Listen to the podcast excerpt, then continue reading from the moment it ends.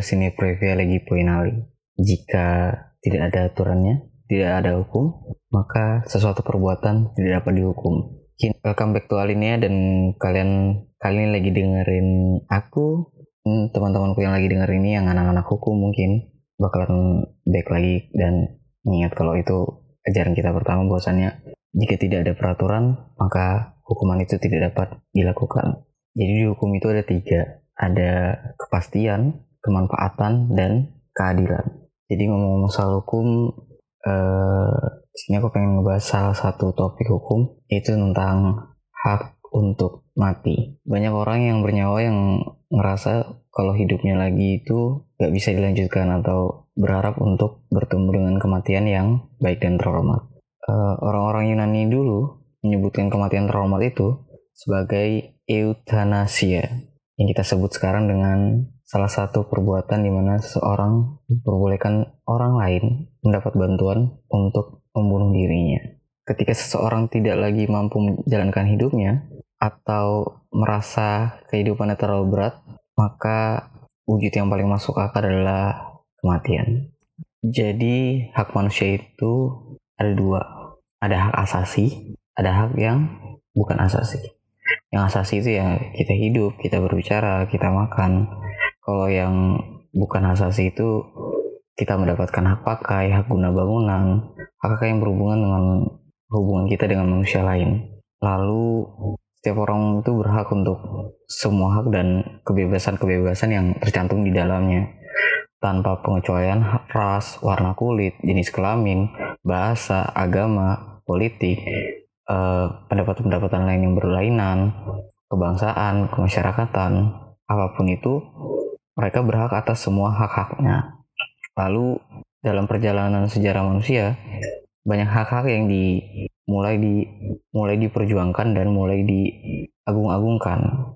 Biasanya hak-hak ini berupa hak untuk hidup, hak untuk berbicara tadi, hak untuk mengutarakan pendapat, untuk memilih agama dan bebas memilih agamanya masing-masing, kebebasan dari rasa takutnya, kebebasan dari segala kekurangan. Semua hak-hak ini awal mulanya sudah diatur dan mulai diatur. Lalu maka wajar jika ada kaitannya dengan hak untuk menentukan nasib manusia itu sendiri. Uh, manusia itu memiliki konsekuensi juga untuk menentukan nasibnya sendiri. Mau hidup atau mati. Sehingga muncul pendapat kalau kalasannya wajar jika mati juga merupakan hak manusia yang harusnya dilindungi hukum. Banyak negara-negara di dunia saat ini mulai memperjuangkan hak untuk mati ini. Salah satunya negara pertama yang memiliki legalitas terhadap hak untuk mati adalah Belanda. Hak untuk mati ini sering disebut juga tadi aku bilang dari bahasa Yunani euthanasia.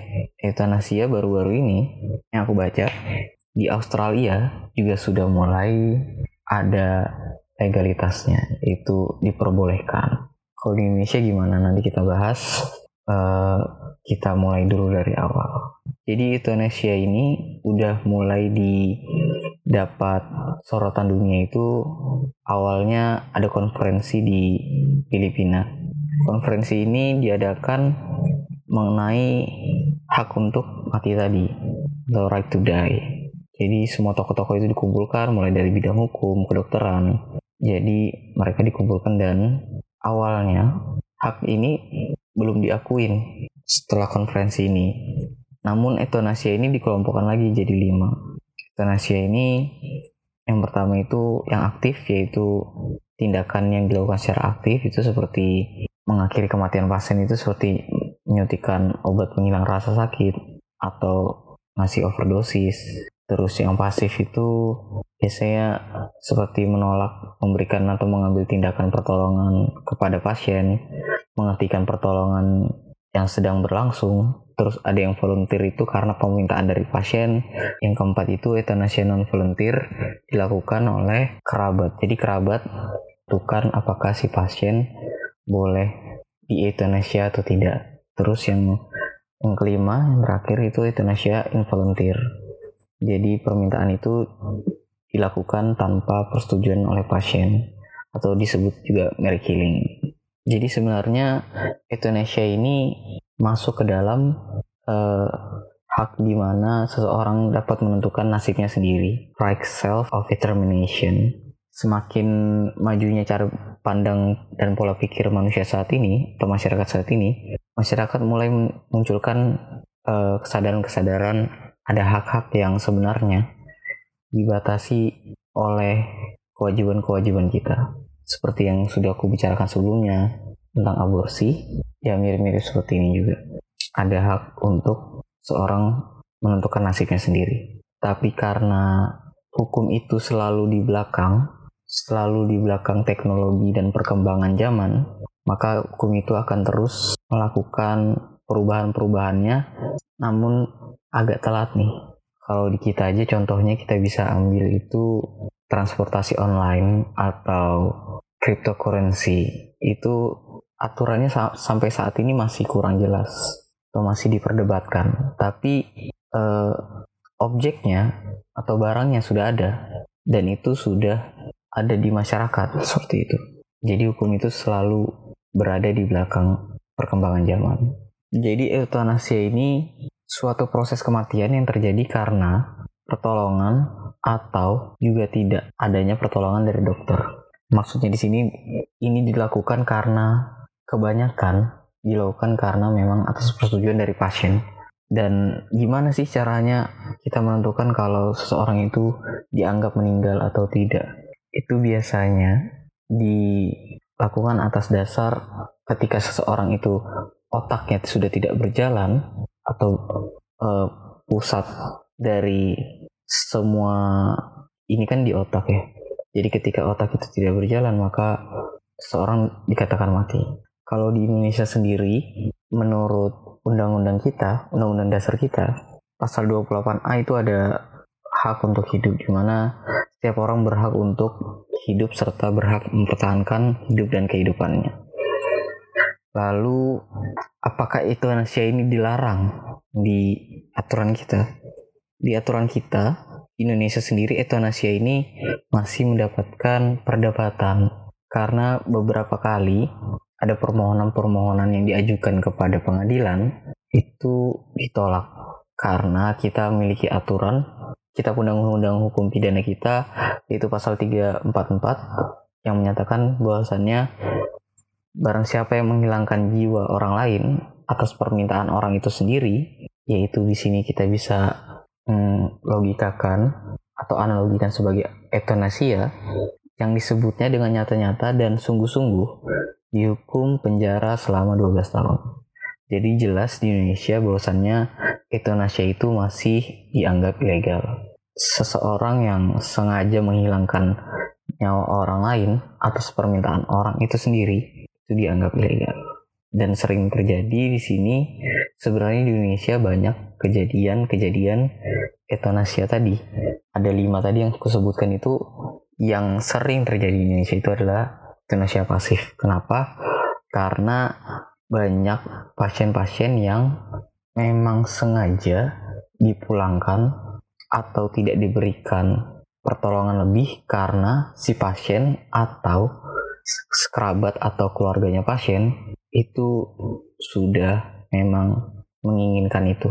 Dan kita tahu kalau misalnya jika eutanasia ini sangat erat urusannya dengan agama ya kalau seseorang itu mengambil haknya sendiri untuk mati maka beberapa agama menyatakan kalau misalnya hanyalah Tuhan yang dapat menentukan kehidupan dan kematian seseorang. Lalu di pasal 345 kita undang-undang hukum pidana kita itu menyebutkan bahwasannya barang siapa sengaja mendorong orang lain untuk bunuh diri, menolongnya dalam perbuatan itu atau memberi sarana kepadanya, maka dia diancam paling lama 4 tahun kalau orang itu bunuh diri. Jadi sangat jelas memang kalau di Indonesia euthanasia masih dianggap ilegal atau melanggar hukum kalau kita kaitkan dengan hak atas perawatan medis, bahwasanya hukum medis itu ada dua hak dasarnya.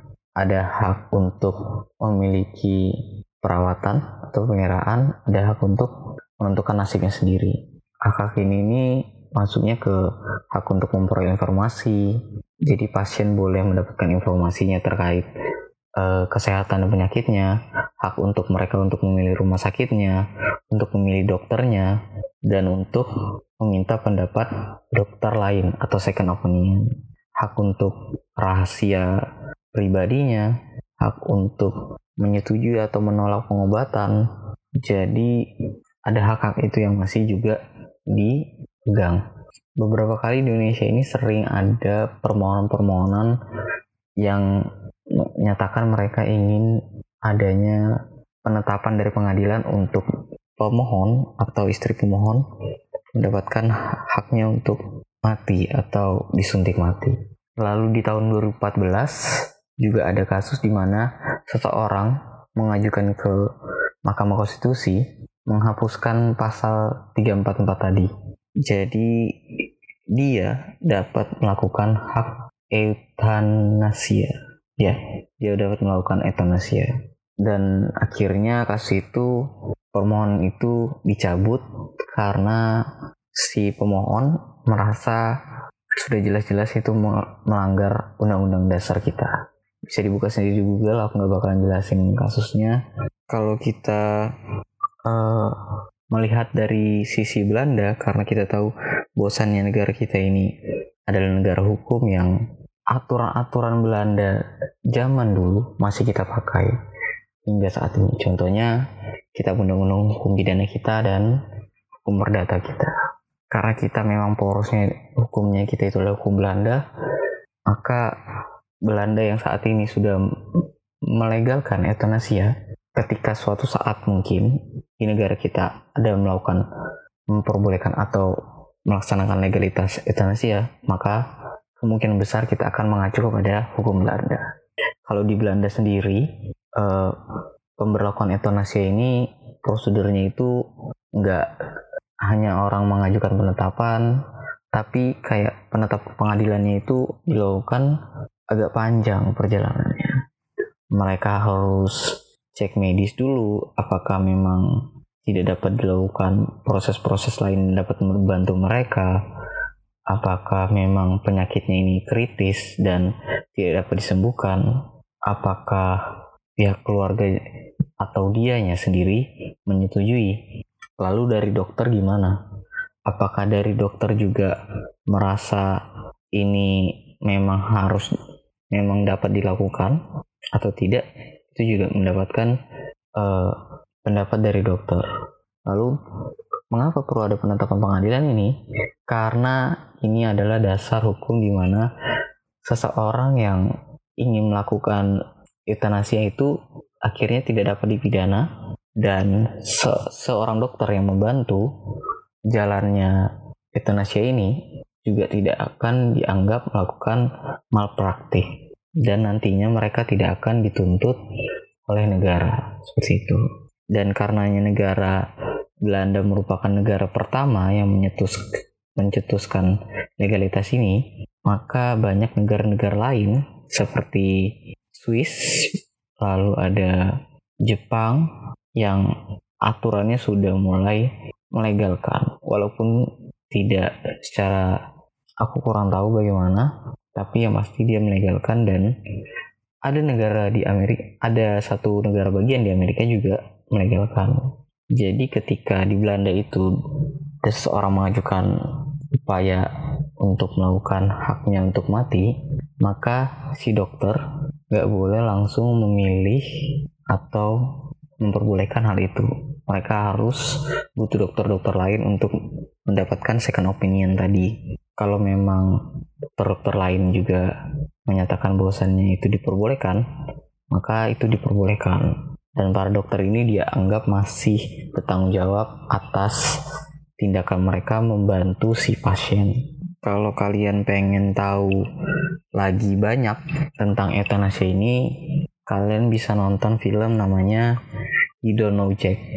Jadi film ini bercerita tentang Dr. Jack itu dokter di Amerika ya ini biographical jadi ceritanya memang cerita diangkat dari cerita kisah nyata dokter ini melakukan euthanasia di tahun 90-an 98 atau 90, 99 eh sorry. Di tahun 1980 atau 1990 di tahun 90-an atau 80-an dia melakukan euthanasia walaupun di Amerika masih dianggap abu-abu. Karena yang tadi ku bilang bahwasannya belum delictum nulla poena sine previa lagi penali jika tidak ada suatu aturan yang mengatakan bahwasannya itu melanggar hukum maka itu dapat dianggap perbuatan itu tidak melanggar hukum contohnya analoginya ini kayak kalau sebenarnya seorang ngerokok di Indonesia aturan merokok itu masih diperbolehkan, tidak dianggap melanggar hukum. Mungkin suatu saat nanti ada aturan yang menyatakan bahwasannya merokok itu melanggar hukum. Artinya, seseorang yang merokok setelah aturan itu diterbitkan, biasanya aturan itu satu tahun setelahnya itu baru aktif. Jadi satu tahun setelahnya itu satu tahun setelah itu dan mereka merokok mereka dianggap melanggar hukum. Seperti itu. Jadi ketika hukum itu belum ada aturannya maka suatu perbuatan itu tidak dapat dilakukan hukuman. Nah balik lagi ke dokter Jack ini. Jadi dokter Jack ini eh, melakukan kegiatan euthanasia membantu pasien-pasiennya yang dianggapnya memiliki penyakit-penyakit yang memang tidak dapat disembuhkan. Dan memang dia merasa pasien ini merasa bahwasannya mereka hidupnya itu seperti tidak hidup. Mereka hidupnya itu tidak berjalan sebagaimana manusia pada umumnya jadi mereka membutuhkan euthanasia tadi dan di film ini menceritakan juga kalau sannya tidak semua pasien diterima, tapi memang kalau ada pasien-pasien yang seperti hanya gangguan uh, emosional, itu dirujuknya ke psikolog atau dokter lain, psikiater. Jadi tidak semuanya itu diperbolehkan euthanasia. Dan seperti yang aku bilang tadi, hanya penyakit-penyakit kritis saja yang bisa dilakukan itu. Pasien yang mungkin lalu untuk kalian yang dengar ini dan merasa berkeinginan untuk melakukan ya suicidal thought jangan karena ya jika kalian masih sehat-sehat saja it's okay kalau kalian butuh bantuan kalian bisa ngubungin Indo Psycare atau International Wellbeing Center Yayasan Pulih Save Yourself. Baru ada sebentar sebentar. Sehatmental.id, ibunda.id, pijar psikologi, ya itu tadi yang disebutkan, ulang lagi jadi ada Indo Psycare, ada International Wellbeing Center, ada Yayasan Pulih, ada Save Yourself, ada sehatmental.id, ada ibunda.id, ada pijar psikologi. Jadi kalian cari aja kalau kalian butuh hotline untuk menghubungin ya mungkin kalian sedikit depresi atau ada suicidal tahu kalian butuh bantuan kalian bisa ke situ oke okay? mungkin itu aja see you in another episode